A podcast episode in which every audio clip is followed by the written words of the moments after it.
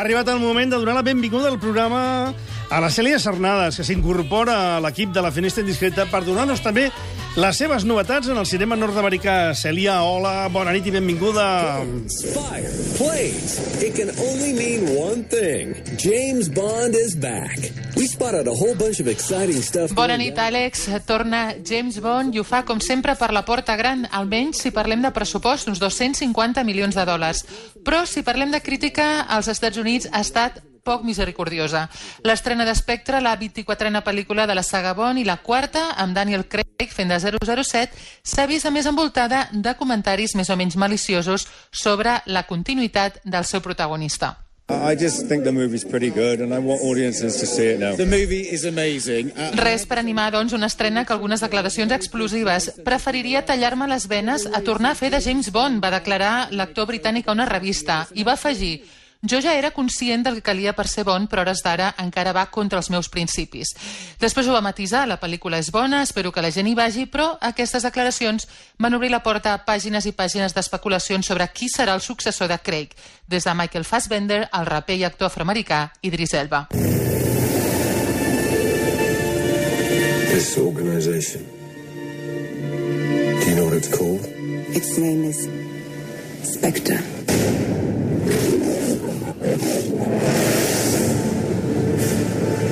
Un afroamericà fent de James Bond seria, sí, un canvi per a una saga que molts consideren ja que fa tuf d'antic. Mirem, si no, el títol de la crítica del Washington Post d'aquest divendres. Call him Bore, James Bore. Jugant amb el famós Bond James Bond, Bore James Bore, James l'avorrit. I és que l'emergència d'herois moderns d'acció com Jason Bourne li està posant difícil al personatge d'Ian Fleming i a més, si, com sosté la crítica, aquesta última entrega, Spectre, ha oblidat l'equilibri entre sofisticació i divertimento de moltes de les seves antecessores. Com apunta el New York Times, l'originalitat és sovint enemiga de la recaptació i la frase final de la crítica de The Daily Beast sona a esquela. Spectre és una festa de jubilació, un últim visca, un últim passeig cap a l'ocàs del nostre estimat espia anglès.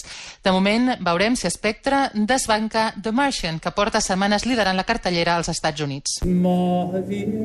Step over this way, please. Get out of the line. Next. Passport, please. Welcome to the United States, ma'am.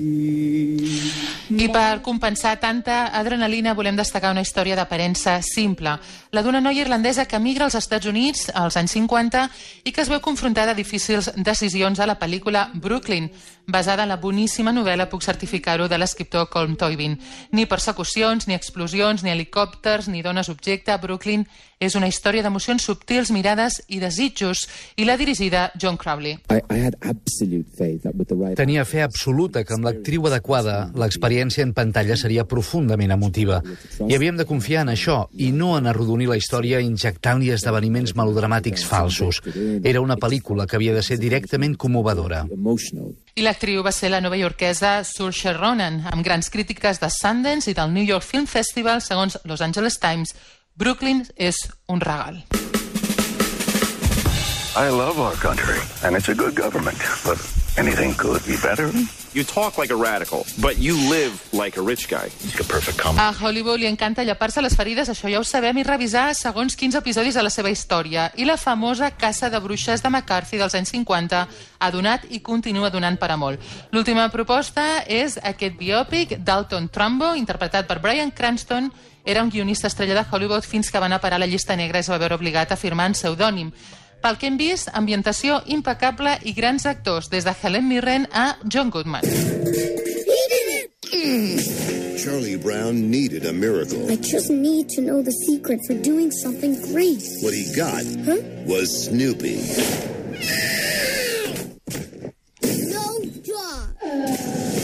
I m'acomiado amb aquesta mirada nostàlgica a la meva infància i segur que a la infància de molts. Aquest divendres també s'estrena Peanuts, una reversió dels famosos còmics de Schulz amb Charlie Brown i Snoopy, dels creadors d'Ice Age i Rio. I em quedo amb un dubte. Què en diran de Snoopy els nens d'avui? Adeu, Àlex i companyia. Molt bona nit. Bona nit, Cèlia.